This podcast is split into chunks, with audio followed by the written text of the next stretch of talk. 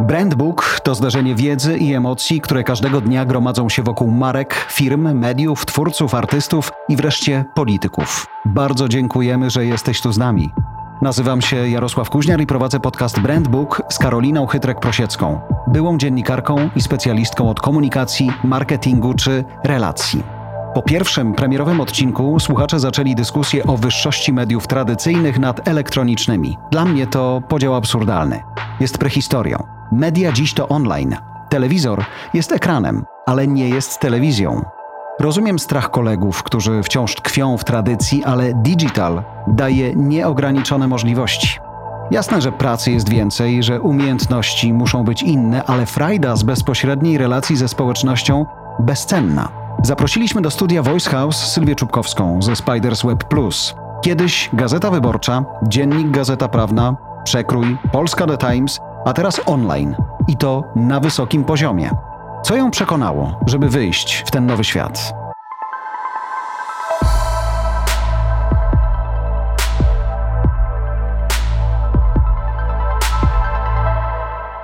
No i jak? Rodzina zadowolona?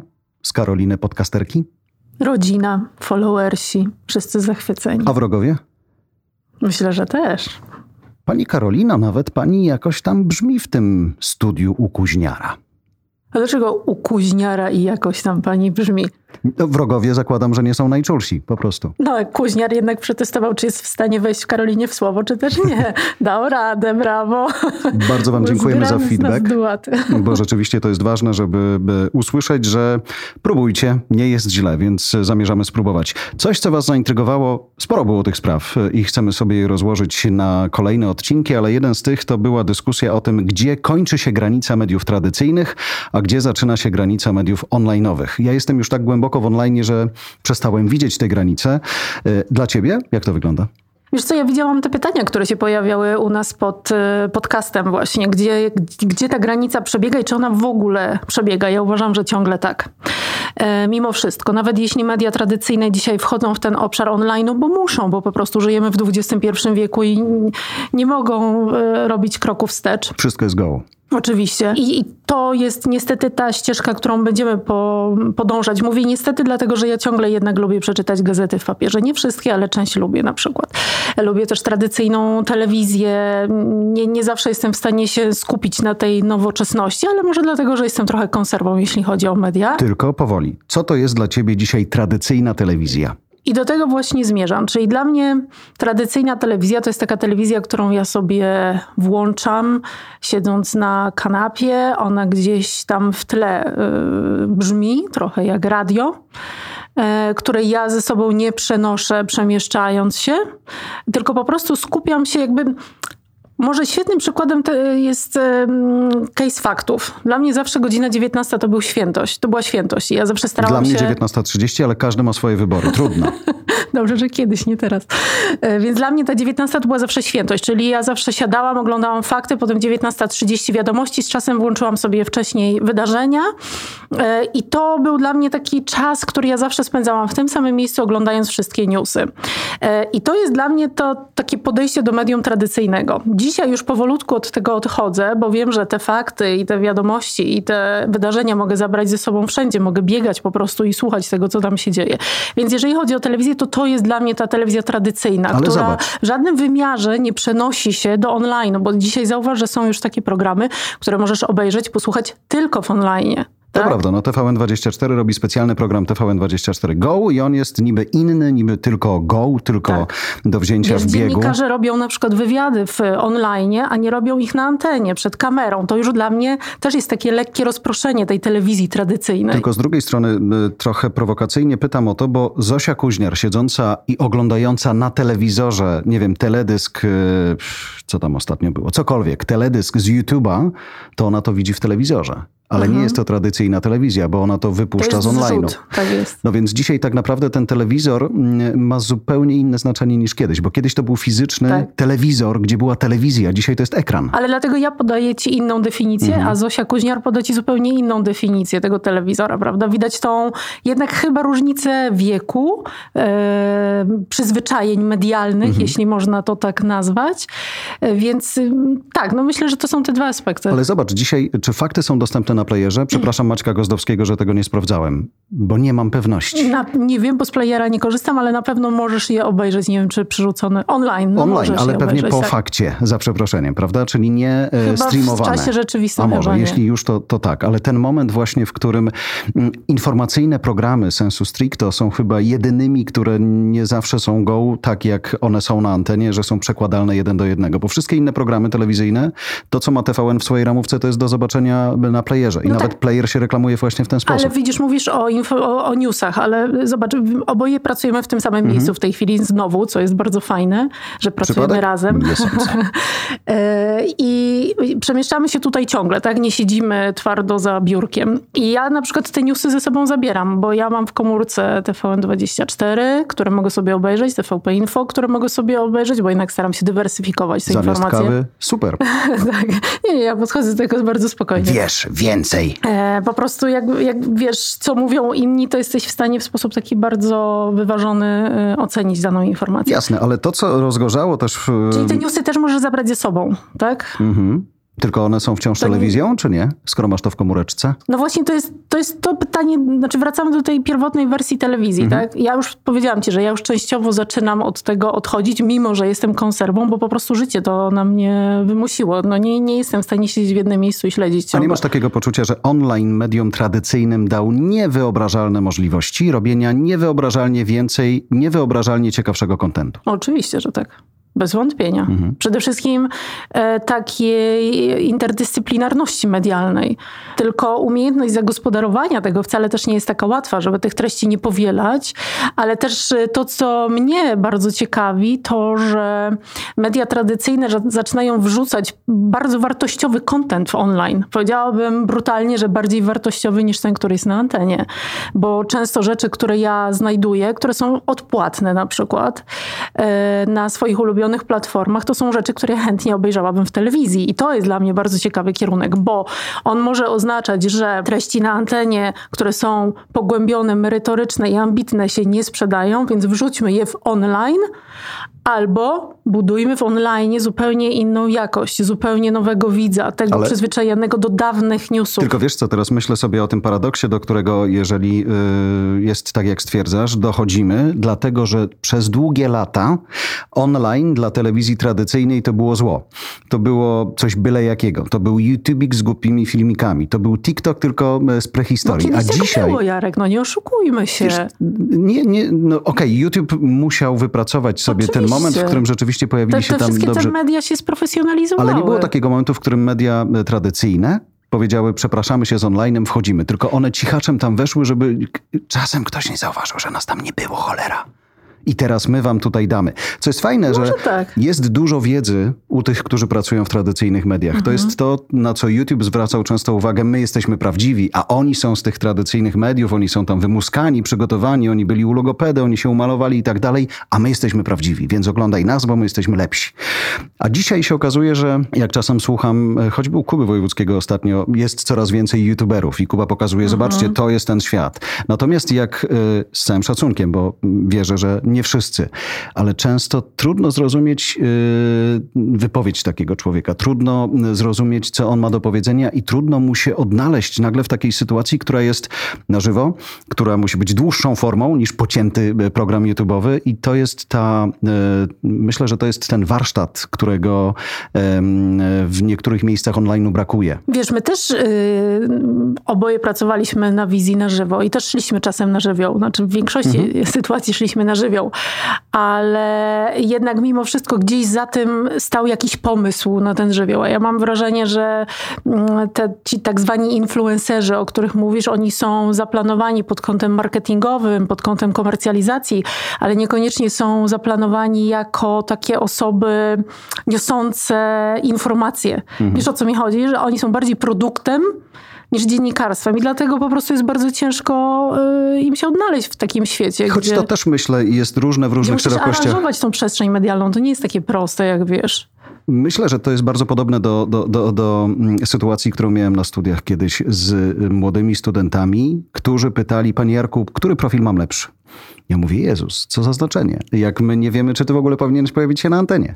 Zbuduj fundament, wylej go przynajmniej, albo pomyśl w ogóle o tym, że powinieneś go mhm. mieć, nie wiem, zadbać o to, jak mówisz, potem popracować nad tym, co mówisz, a dopiero potem się zastanawiać, czy prawy, czy lewy. Nie bądź Krystyną Jandą na dzień dobry, no bądź na koniec. Ale wiesz co, to jest zabawne, co opowiadasz, bo ty mówisz o studentach, a ja pamiętam sytuację, jak nasze make-upistki jeszcze w TVN-ie wpadały w histerię, ponieważ ja przychodziłam 15 minut przed dwugodzinnym programem na żywo, żeby się pomalować, a jak wiadomo, kobietę trzeba troszeczkę dłużej ale tylko ciut. malować y, i to spędzało im sens powiek, ale dla mnie zawsze bardziej istotne było to, żeby przeczytać jeszcze jedną informację, jeszcze jeden artykuł, poszukać jeszcze jednej e, jakiejś tam ciekawostki, którą mogę sprzedać widzowi na antenie, niż to, że ja będę miała świetnie zrobiony, wiesz, puder czy, czy pomalowane oko, więc to jest chyba po prostu kwestia podejścia. Oczywiście telewizja jest obrazem i to... Mm, ale YouTube też jest obrazem już dzisiaj. Tak naprawdę wydaje mi się, ale że... Ale ma ten element naturalności, wiesz, to jest zupełnie coś wiesz, innego. Wiesz co, Janusz Palikot ostatnio powiedział, kurczę mi to tam, to, tam mikro... zainwestowałem w mikrofon, natomiast cała reszta im bardziej naturalne, tym żre. Tak. Nie zawsze żre. To znaczy A, okay. u Palikota może żreć, wydaje mi się, natomiast y, druga rzecz jest też taka, że jeżeli jesteś marką, która chce w jakiś sposób się komunikować, y, sprzedajesz produkty za mm, x złotych, no to twój wizerunek też musi być co najmniej za x złotych, nie może być gorszy, więc wydaje mi się, że nie należy już dzisiaj online traktować właśnie w ten sposób. Ale y, my zaczynamy dyskusję, za chwilę o tym z naszym gościem też porozmawiamy, gdzie jest ta granica między tradycją a onlinem. Dzisiaj nie ma właściwie papierowej gazety, która nie miałaby ekspozycji w online, prawda? Nie wiem, co no, zrobi Orlen, kiedy ma. wejdzie do Polska Presa na całość, ale, ale zakładam, że nie da się inaczej. I że ten przepływ między fanami papieru i fanami online'u, mm, nie wiem jak długo Ale tutaj chyba ten, ta, ta granica jest chyba najbardziej widoczna jednak, prawda? Pomiędzy tym medium tradycyjnym, mm -hmm. wydrukowanym, którego chyba jednym z fundamentów definicji jest to, że jak już coś napiszesz, to nie możesz już nic zmienić, a ten online, bo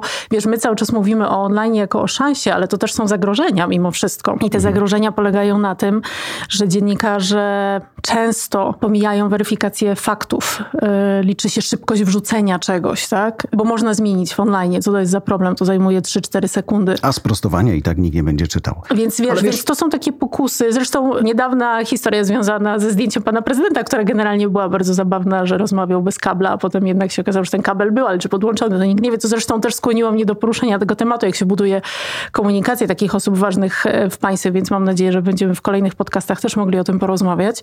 Mm, ale to jest właśnie taka sytuacja, w której dopóki to się dzieje w socialu i jest no trochę zabawnie, mhm okej, okay, przepraszamy pana prezydenta, bo w sumie nie powinniśmy się śmiać z pana prezydenta, ale to naprawdę była dosyć zabawna historia. Jak ja prosi, mimo to wszystko nie?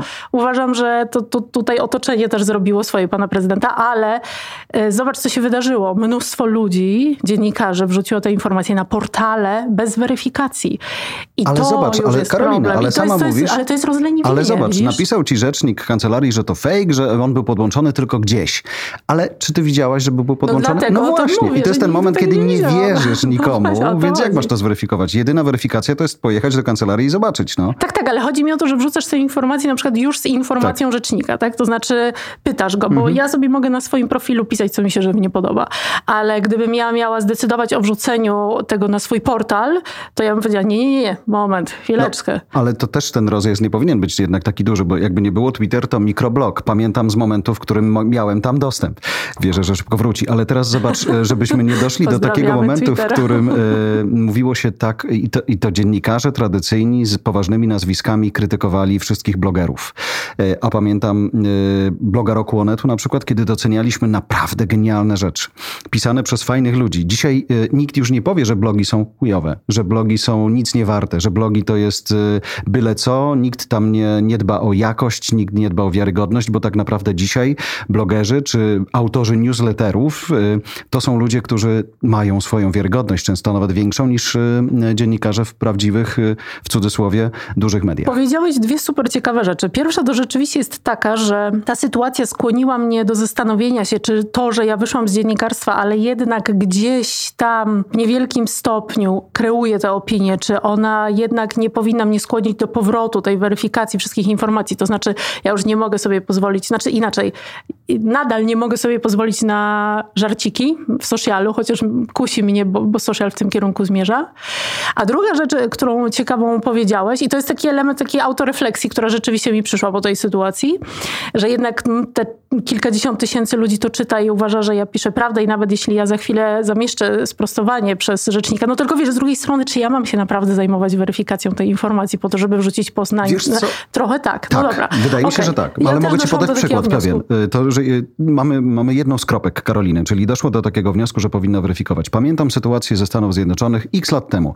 Jedna ze strzelanin, których jest tam y, od groma. Mm, Znani dziennikarze podają dalej w świat informację o tym, że w danym miasteczku, gdzie jest ta strzelanina z zamachowców, y, jest więcej niż jeden i mm, pokazują y, zdjęcie jakiejś pani, która to zdjęcie wrzuciła i napisała w ten sposób, że on kolejny jest pod moim oknem. Po jakimś czasie lokalna policja na swoim kanale na Twitterze mówi, szanowna pani, to my. Jesteśmy tam po to, żeby zadbać o pani bezpieczeństwo, więc to Okej. nie kolejny zamachowiec, tylko policjant, który miał Tylko chronić. widzisz, Ale nikt już tego nie wycofał. Ale widzisz, że to jest, bo to też jest ważne, bo tego jesteśmy nauczeni właśnie warsztatowo. To znaczy, jeżeli pojawiają się tak szalenie Mhm. istotne informacje, to ja bym się pięć razy zastanowiła, No czy w trzy. ogóle, nawet jeden, Mhm. e, czy w ogóle to zamieszczać na, na swoim e, wallu, na, na swoim profilu. Natomiast to był kabel, no śmieszna rzecz, wiesz, e, to Kabel nie kabel. po prostu. Potwierdzenie albo zaprzeczenie, że wiesz, do prezydent tego, ogarnia. do tego wszystkiego w ogóle cała obudowa tej sytuacji, wiesz, prezydent rozmawia w maseczce, jest sam na zdjęciu. Ja naprawdę uważam, że tutaj nadawca tego komunikatu też popełnił kilka błędów.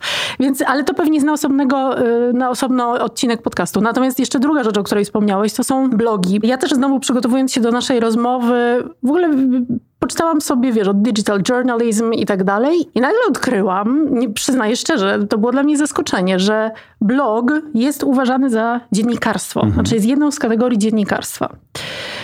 Co cię E, dziwi? Wiesz co, dziwi mnie to, że zawsze e, jakoś upatrywałam e, dziennikarstwo w instytucji, tak? E, jak, jak, jakiejś infrastrukturze, w, w ramach której działa ta dana osoba. A potem uświadomiłam sobie i zawsze jakby uważałam, że blogi są trochę obok dziennikarstwa. Są nośnikiem informacji, ale są obok dziennikarstwa. To nie jest dla mnie dziennikarstwo. A potem sobie uświadomiłam, że na przykład taki Maciek Samcik robi świetną robotę. Jest dziennikarzem, tak? I wykonuje absolutnie genialną robotę. I właściwie jak potem, i jak sobie przemyślałam, ile tych blogów takich jest rzeczywiście dziennikarskich, to szczerze, Maciek był jedynym, który przyszedł mi do głowy. Tylko dlatego, że zobacz, jest mnóstwo blogów dzien- dziennikarskich, nie? Czyli y, ludzi, którzy byli w dziennikarstwie. osadzeni, Tak, ale z drugiej osadzeni. strony, jak popatrzysz sobie, nie wiem, Konrad Kruczkowski, jeden ze zwycięzców bloga roku Onetu 100 lat temu, ale to jest gość, który y, zapoczątkował coś, co dzisiaj jest naturalne. Ty nie potrzebujesz instytucji, bo twoją weryfikacją są twoi y, czytelnicy, Tak. więc jeżeli ty ich oszukasz, ty złamiesz y, standardy, to oni od ciebie odejdą, więc tak naprawdę oni są lepszą instytucją niż jakakolwiek No, inna organizacja. Absolutnie masz rację, tylko chodzi mi o to, że dla mnie zaskoczeniem jest wpisanie kategorii blog w dziennikarstwo. Rozumiesz? To, to jest forma wyrazu.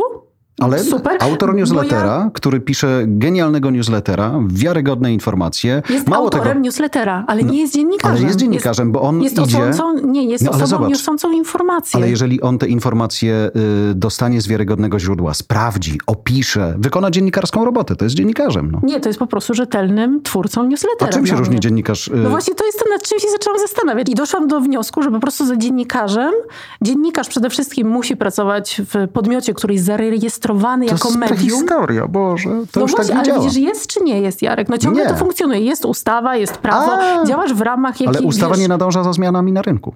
No, chociaż patrząc na samo prawo prasowe, Tak. to kiedy zostało zmienione? Mhm. Niedawno dopiero, tak? Nawet prawo do autoryzacji, jak wygląda, czy w ogóle sam pomysł Tak. autoryzacji, e, który też uważam za absurdalny, bo jak masz materiał wideo, to nie, nie możesz autoryzować, a jak masz pisany, no możesz autoryzować, tak? No halo. Mhm.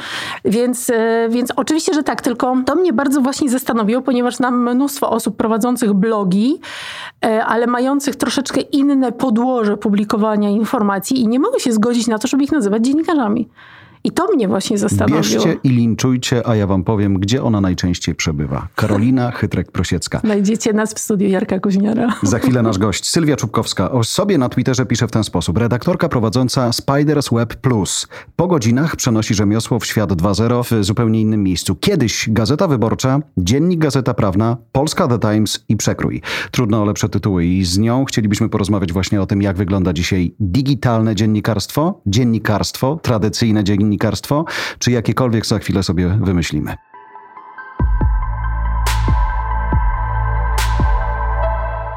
Sylwia, ty jesteś z jakiego medium dzisiaj? Digitalnego, tradycyjnego, online'owego, czy Bóg wie jeszcze jak to nazwać? Czy z bloga?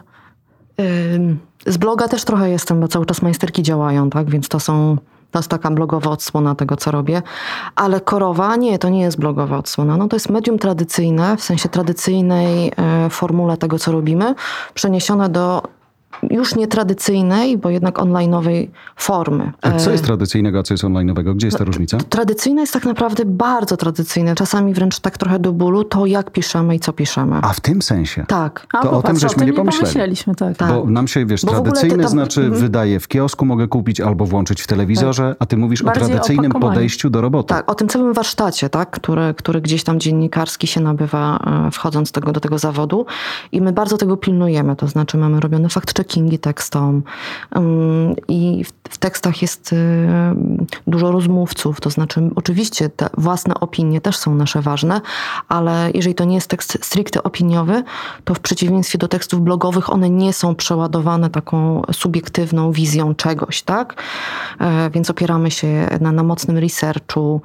Ja myślę, że tak naprawdę trochę to, jak wygląda e, Spiders Web Plus jako magazyn, e, w sensie treściowym, jest wypadkową tego, gdzie ja wcześniej pracowałam. A ja zaczynam od przekroju, później dziennik i dziennik Gazeta Prawna, gdzie dużo pisałam do magazynu i magazyn był zawsze dla mnie jakąś taką, może nie najważniejszą, ale w takim myśleniu, co bym chciała robić, to kluczową formułą. No i potem e, wyborcza i w wyborczej też w dziale technologii. Większość moich tekstów to były teksty takie długie, pogłębione, e, do magazynu świątecznego, do papieru.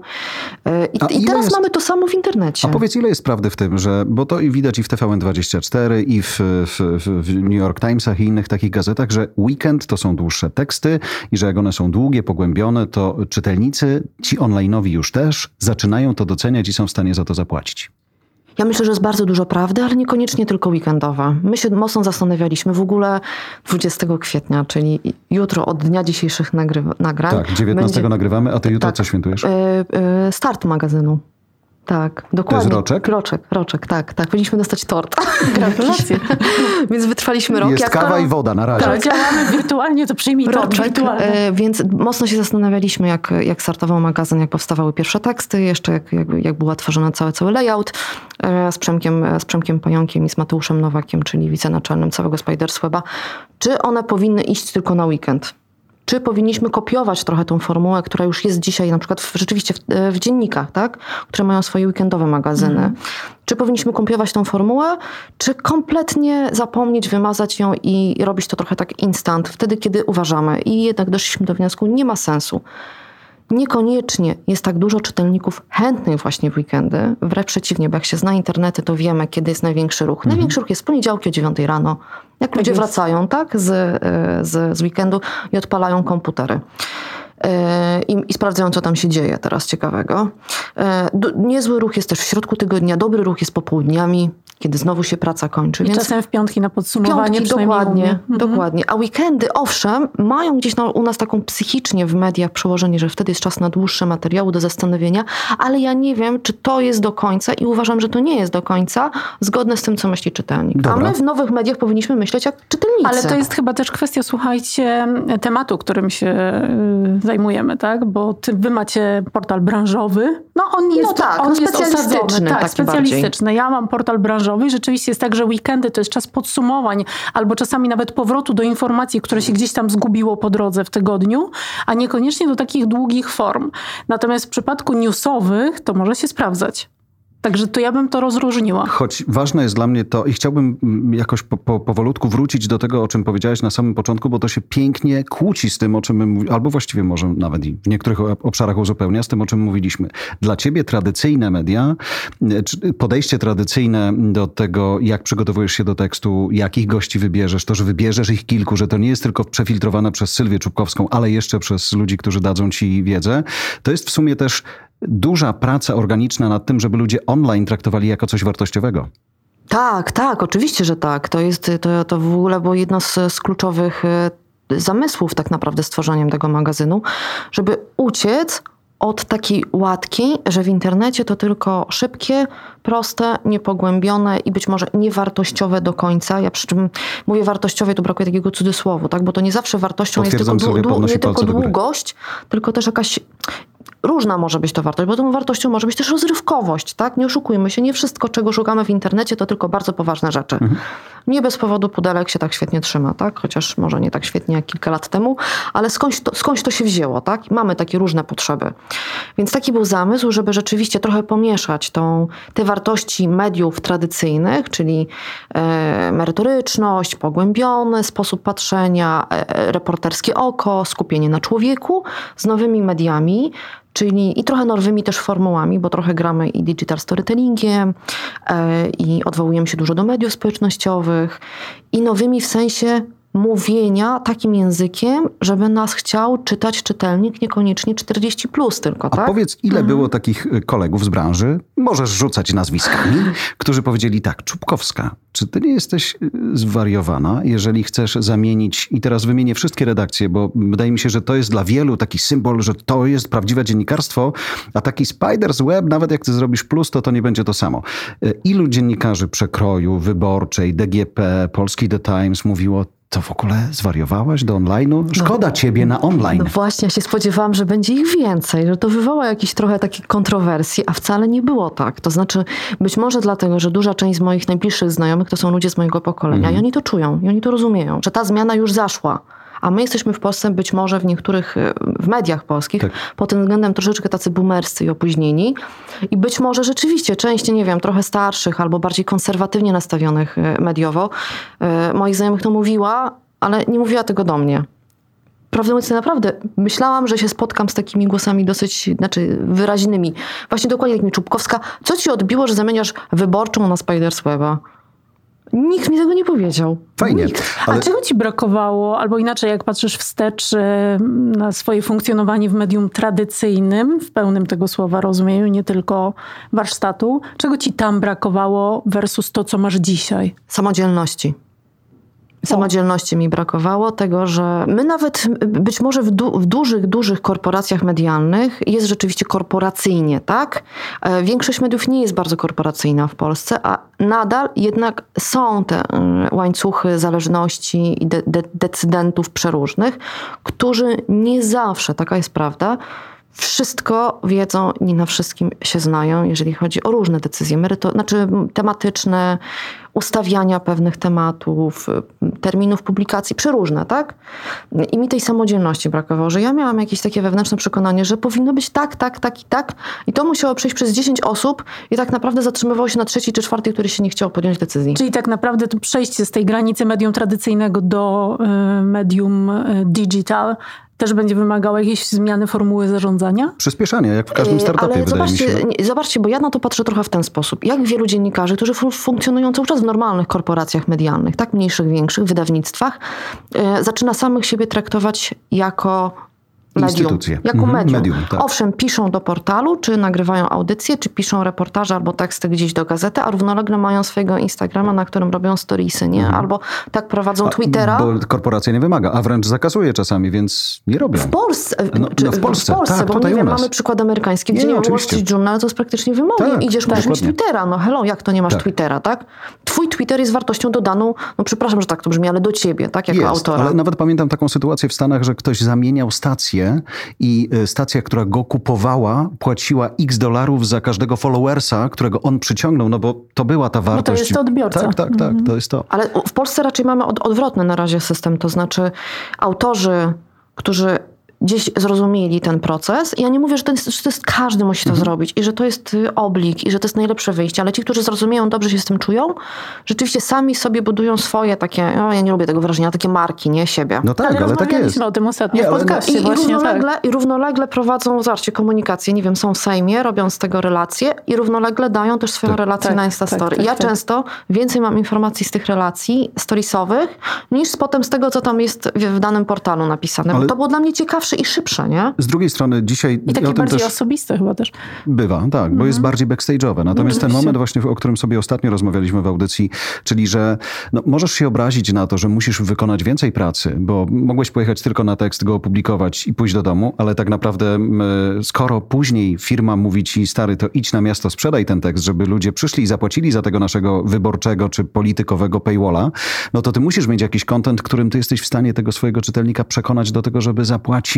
Mm. A nie? przekonujemy coraz częściej sobą. To mm. znaczy, że rzeczywiście, i, i, to jest wyraźnie widoczne, e, czytelnicy chcą wiedzieć, kto stoi za tekstem. Czyli ufam Czubkowskiej? Okej, okay, Spiders Web Plus jasne, natomiast to ona dla mnie jest wiarygodna. Trochę tak, trochę tak, ale też trochę tak, że nawet jeżeli niekoniecznie nazwisko kojarzę, to ja przynajmniej chcę wiedzieć, kto to zrobił, mhm. tak? Że to nie jest taka do końca anonimowy. Ja pamiętam, jak startowałam w dziennikarstwie. Ja byłam wtedy uczona i sama miałam takie poczucie, że najważniejszy jest mój materiał, nie ja, tak? Mhm. Owszem, na przykład Ozon wtedy startował i w Ozonie ja byłam zaszokowana, że autorzy są podpisywani tam swoim, znaczy obrazek jest, y, tam jest zdjęcie, mhm. taki rysunek był twarzy i krótka notka, co tam kto lubi. Nie myślałam, po co?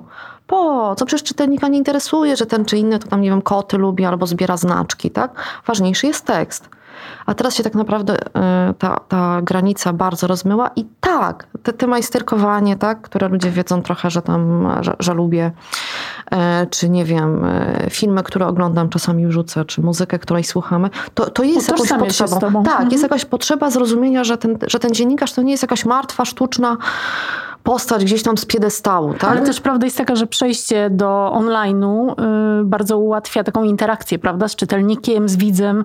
Jeżeli Ma, to potrafisz. Masz, jeżeli to potrafisz, oczywiście, ale masz bezpośredni kontakt. To jest, to jest bardzo duża wartość dla odbiorcy, moim zdaniem. Ale i też dla nadawcy, znaczy w sensie dla twórcy jest super ważne. No nie macie tak, że budzi to jednak pewnego rodzaju satysfakcję, kiedy ludzie do was piszą, dobra, ileś razy piszą, że beznadziejnie coś zrobione, a ileś razy, że ciekawie, że ważne, że im pomogło, podsyłają follow-upy, y, newsy podrzucają. W ogóle samo to, że czytają, że ktoś to przeczytał, tak?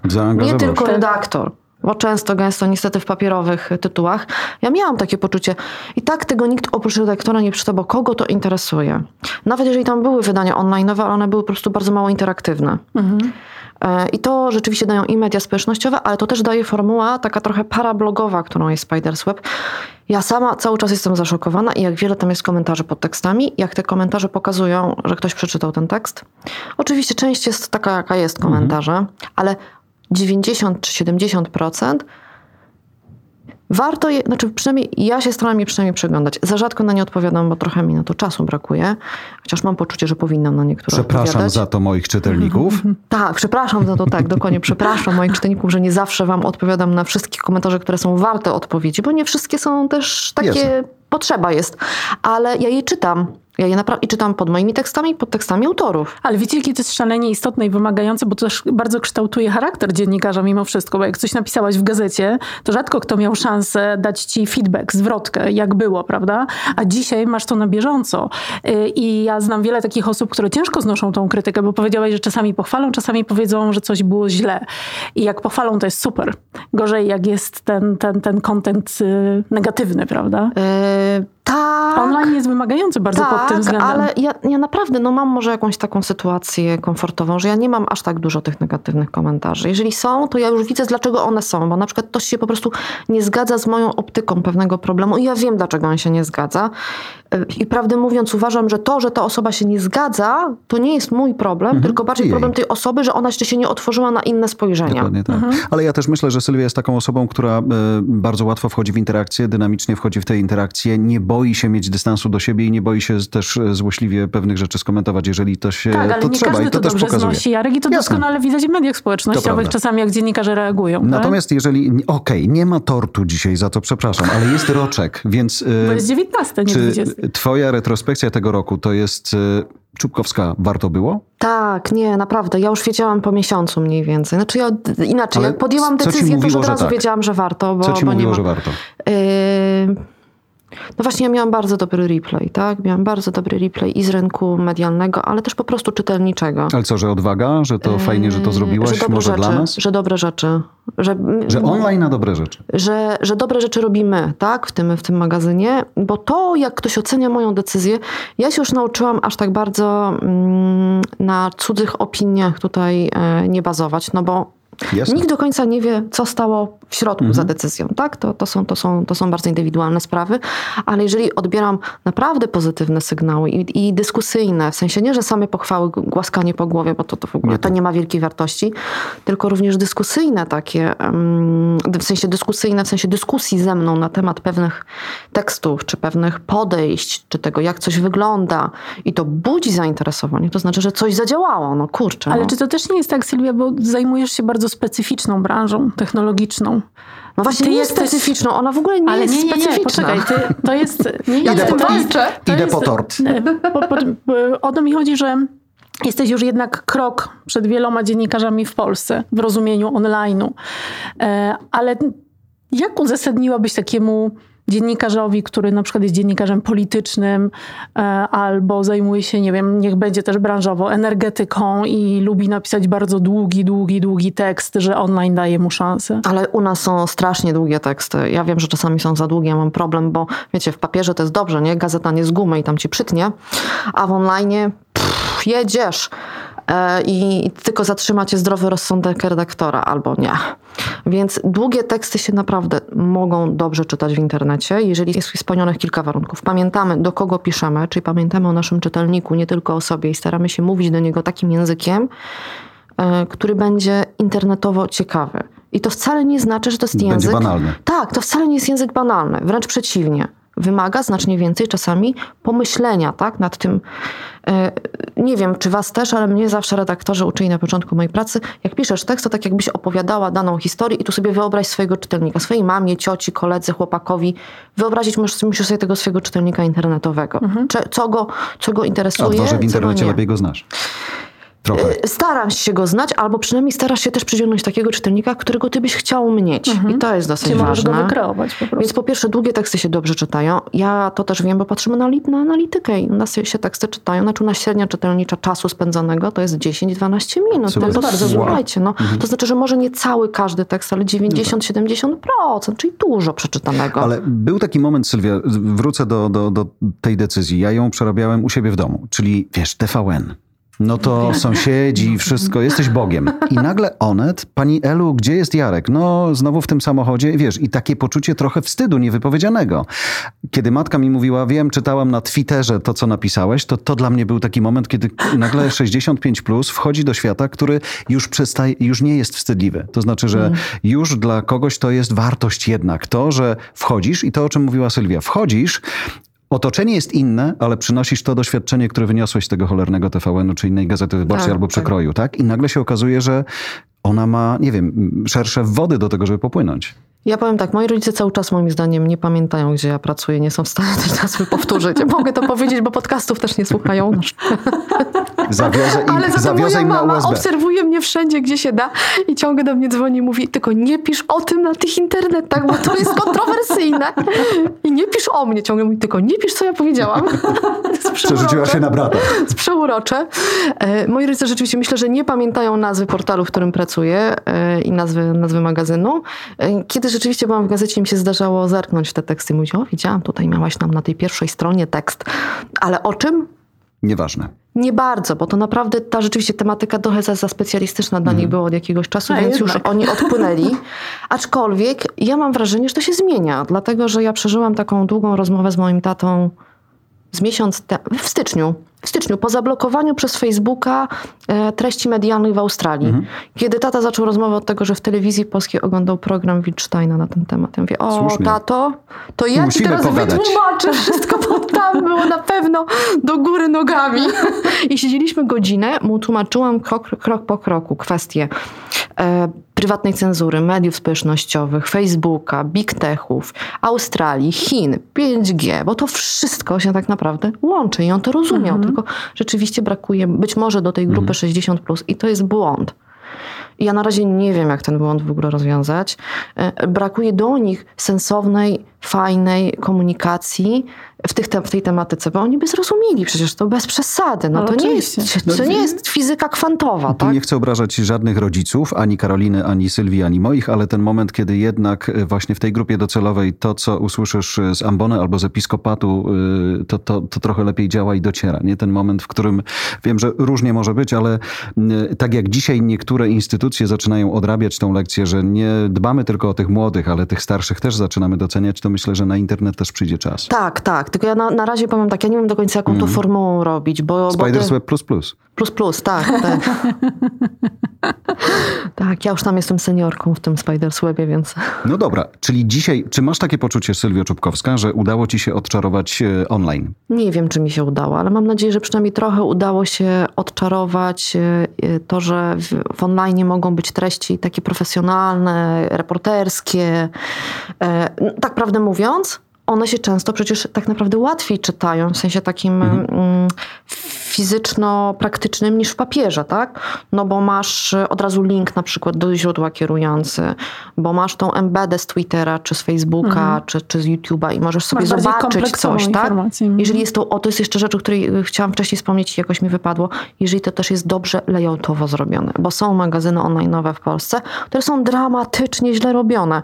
Ja wysiadam po jednej trzeciej tekstu, już mi się nie chce, Mhm. tam jest tyle reklam po środku, które nie powinny być tak naprawdę Odsyła, w dużych... czy tak. nie wiesz, czy już skończyłaś tekst, czy jeszcze Tak, i jesteś jeszcze tam zdjęcie nagle ciąg dalszy tekstu. No Tak, dobrze, tak, ale tak. mnie się nie chce po prostu, tak? My jednak o to zadbaliśmy, żeby przynajmniej w tej formule e, magazynowej czytelnik mógł wejść i dostać taką estetyczną, przejrzystą formę, trochę płachtową wręcz, A nie tak? tylko statystyki uprzystrzoną. dla działu marketingu. Nie, nie tylko uprzystrzoną. I to też jest ważne i tego też się my uczymy, media, w sensie co czytelnik i ile może. Ja na przykład uwielbiam layout e, online'owy, dużych treści e, New York Timesa. Jest pięknie robiony i czyta się Jest, super. Jest To pięknie. Dwa, że New York Times ma jeszcze z kolei, tak jak mówiłaś o Instagramie Stories, mają tak Och, pięknie tak, robione storiesy, że ja tak. po prostu kupuję wszystko, co oni mi dają. Tak, i The Wire jeszcze ma świetne Przepięknie. storiesy robione, więc to się robi na świecie. I Karolina tam takie są, coraz większe oczy robi. tam się zatrudnia Się dziw. całe zespoły od robienia Instagrama w formule dziennikarskiej. Dzisiaj w New York Timesie znalazłem artykuł, który pasuje mi na konta socialowe jednego z naszych klientów i e, klikając, klikając trafiam e, na ich e, newslettery. Proponują mi newslettery. Myślę sobie, dobra, zobaczę jakie. I uwaga, jest, e, jest Coronavirus Briefing, jest Cooking, jest Deal Book, jest For You, jest The Great Red, jest Breaking News, jest At Home, ale jest Evening Briefing, jest Education Briefing, jest On Politics with Lisa Lehrer, jest Today's Headlines, jest Morning Briefing Asia Edition, Australia Edition, Europe Edition, jest w cholerę newsletterów. Są tak pięknie podane, że możesz ochotę tylko klikać, robisz plus plus i wszystkie nagle wpadają ci do maila. Myślisz sobie, super. Tylko e, Ale- ten moment, kiedy oni odrobili tą lekcję, która jest przed wieloma polskimi mediami jeszcze, co Sylwia? Tak, bo oni rzeczywiście mm, zaczęli dosyć szybko, to znaczy ten y, szybko. Dla wszystkich mediów na świecie y, cezurą był jednak kryzys 2.8-2.10, y, który nas przeorał. Wiemy jak było. No, obecny kryzys w stosunku do tamtego kryzysu, jeżeli chodzi o media, to jest nic. Tak? Masowe zwolnienia, spadki sprzedaży, dramatyczne spadki sprzedaży. Może w telewizji to było mniej odczuwalne, ale media te tradycyjne, papierowe, no to, to, to, to Ale też było. Dożyna, no to było dożynanie po prostu, tak? Ja wtedy przecież jeszcze pracowałam w dzienniku, łączyliśmy się z dziennikiem, z gazetą prawną. To były zwolnienia po 40-50 osób miesięcznie, tak? I właściwie żyło się przez pół roku czy przez roku w takiej ciągłej perspektywie, kiedy mnie? Dzisiaj, za miesiąc, za trzy miesiące, już trochę było wszystko jedno. No już. I oni odrobili lekcję. Yy, I oni, oni zaczęli odrabiać wtedy lekcje, widząc, że internet nie jest złem, tylko jest wyjściem.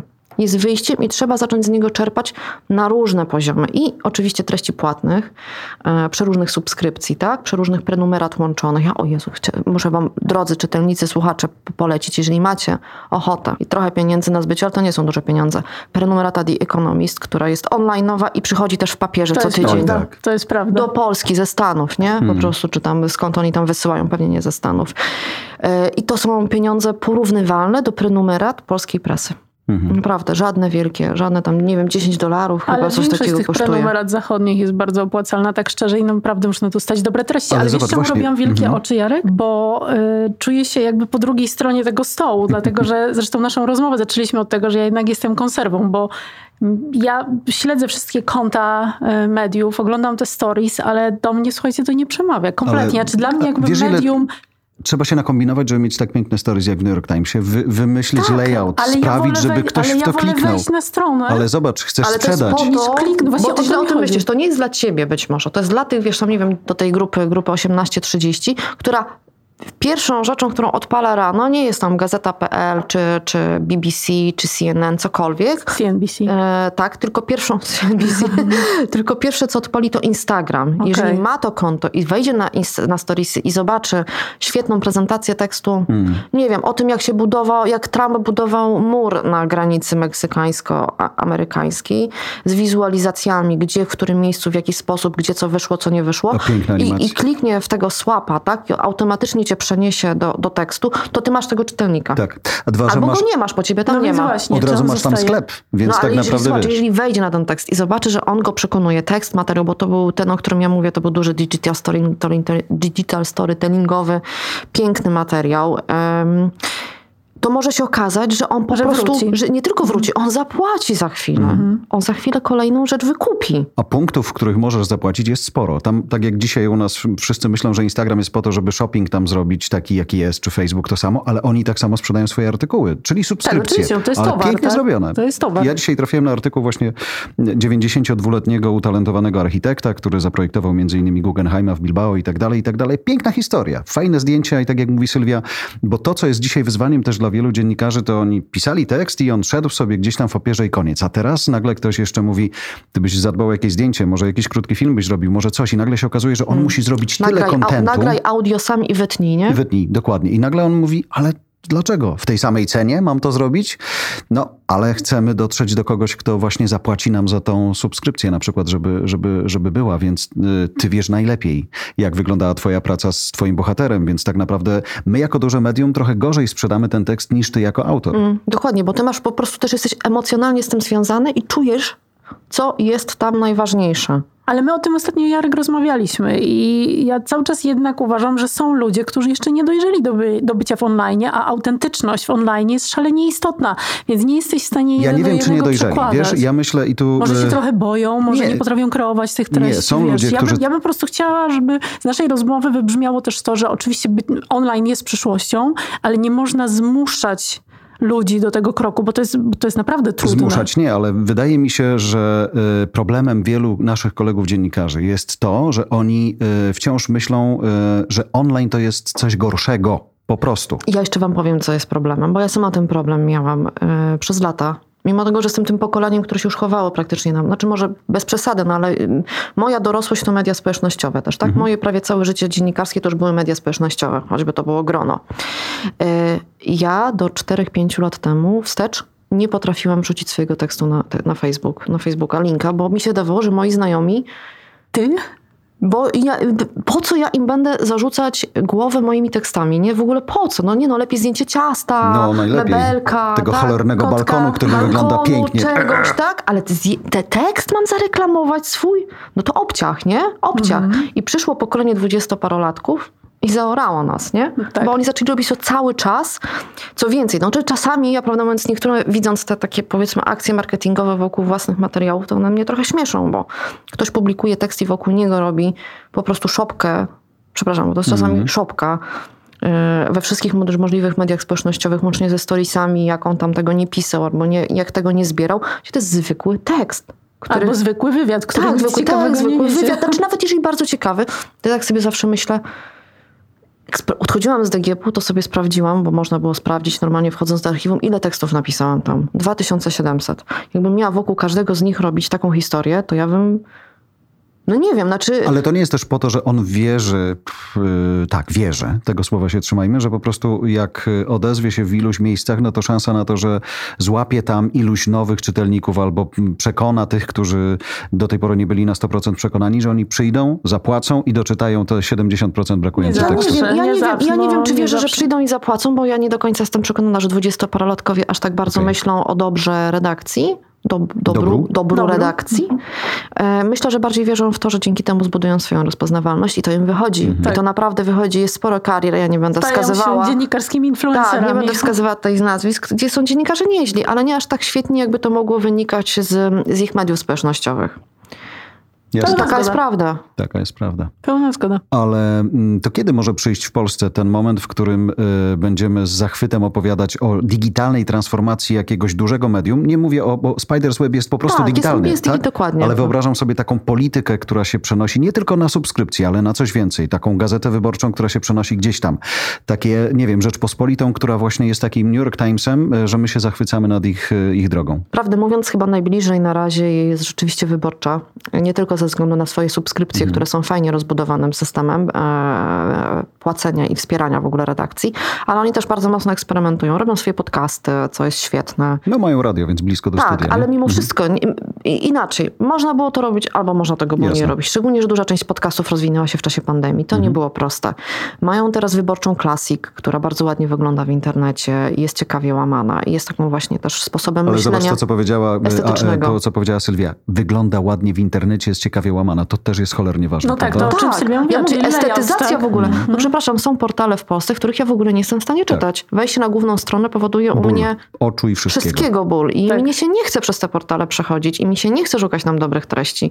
I ja wiem, że y, oni tak mają dużo czytelników i być może jestem dla nich nieważna, ale może to jednak błąd, tak? Trochę myślenia i ta ja z masy się powinno teraz budować rzeźbę, nie? Bo, bo się, że tak powiem, trochę osiągnęło maksima w Polsce, jeżeli chodzi o zasięgi, tak? No tak. teraz kluczowe powinny być czas utrzymania i jacy czytelnicy. Time spent. No ale ja z tego I byłem oni, rozliczany. I oni ile, że tak powiem, znaczy to też dla reklamodawców. Mhm. Co to za czytelnik? Tak. Przepraszam. I, jest inna trochę wartość 30-latki z dużego miasta i 17-latka z skądś tam, tak? To no ale wiesz, w masie się kliknie albo się wyświetli, więc... Ja bym do jakości jeszcze dorzuciła puls biznesu z takich mediów ekonomicznych, które są tak, branżowe tak, i, tak. i layout też przebudowany i też różne treści bardzo ciekawe z taką wartością dodaną. Choć, choć aczkolwiek wciąż nawigacja po stronie jest e, taką sobie nawigacją.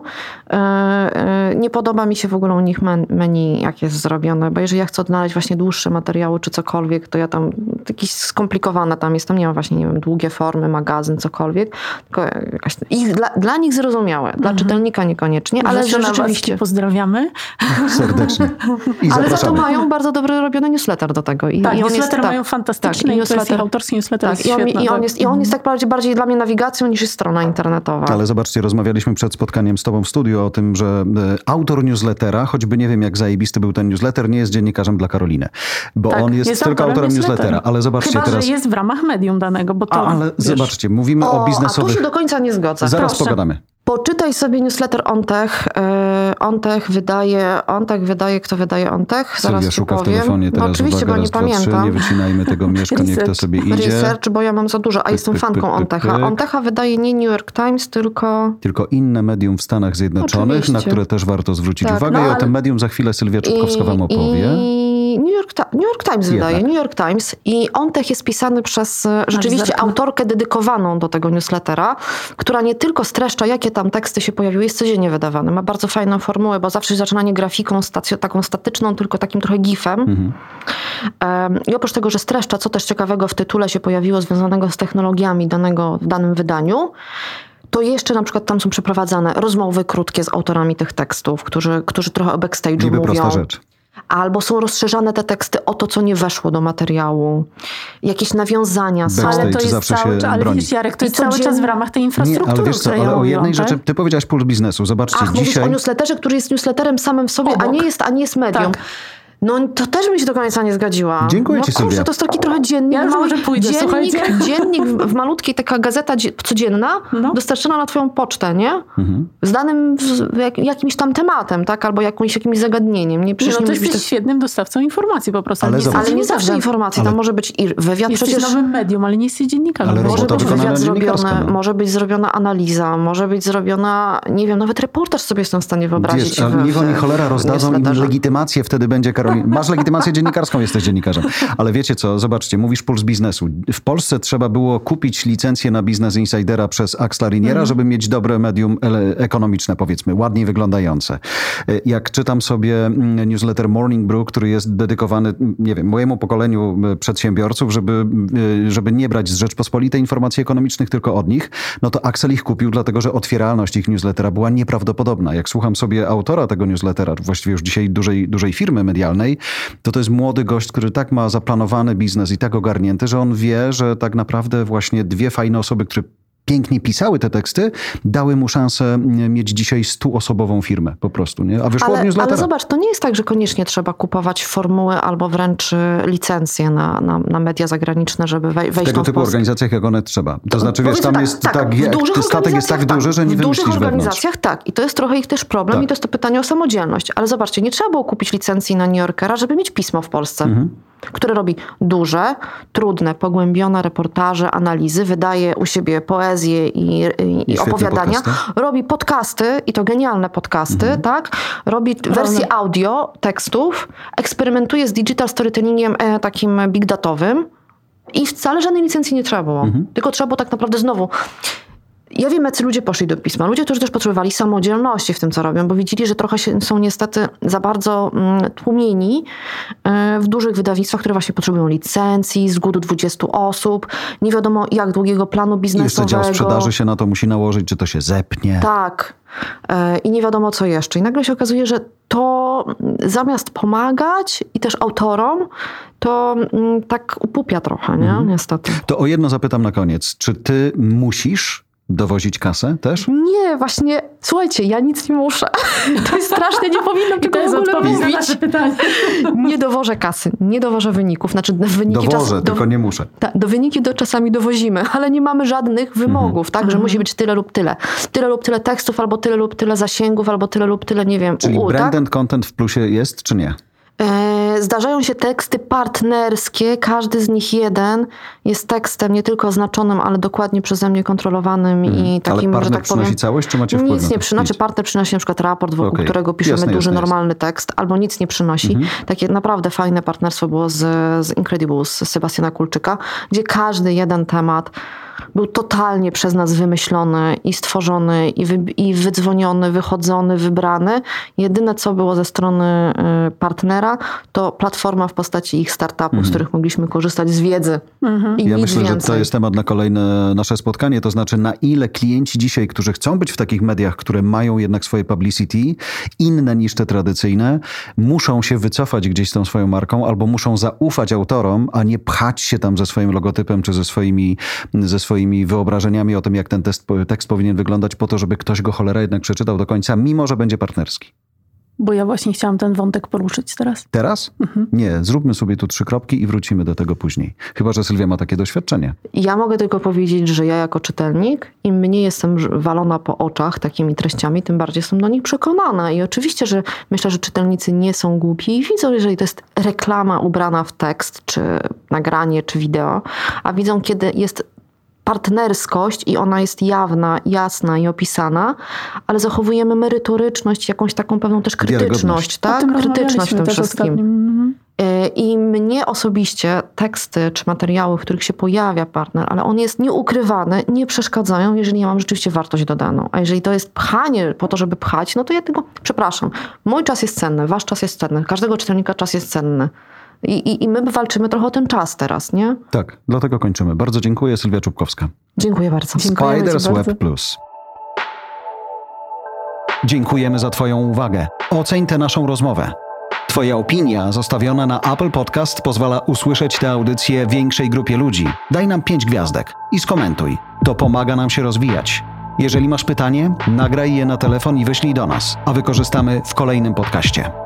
Zasubskrybuj także inne podcasty od Voice House. Znajdziesz je na każdej platformie podcastowej, w każdym kanale social mediowym. Zapraszam też na stronę Voice House po więcej dobrej treści.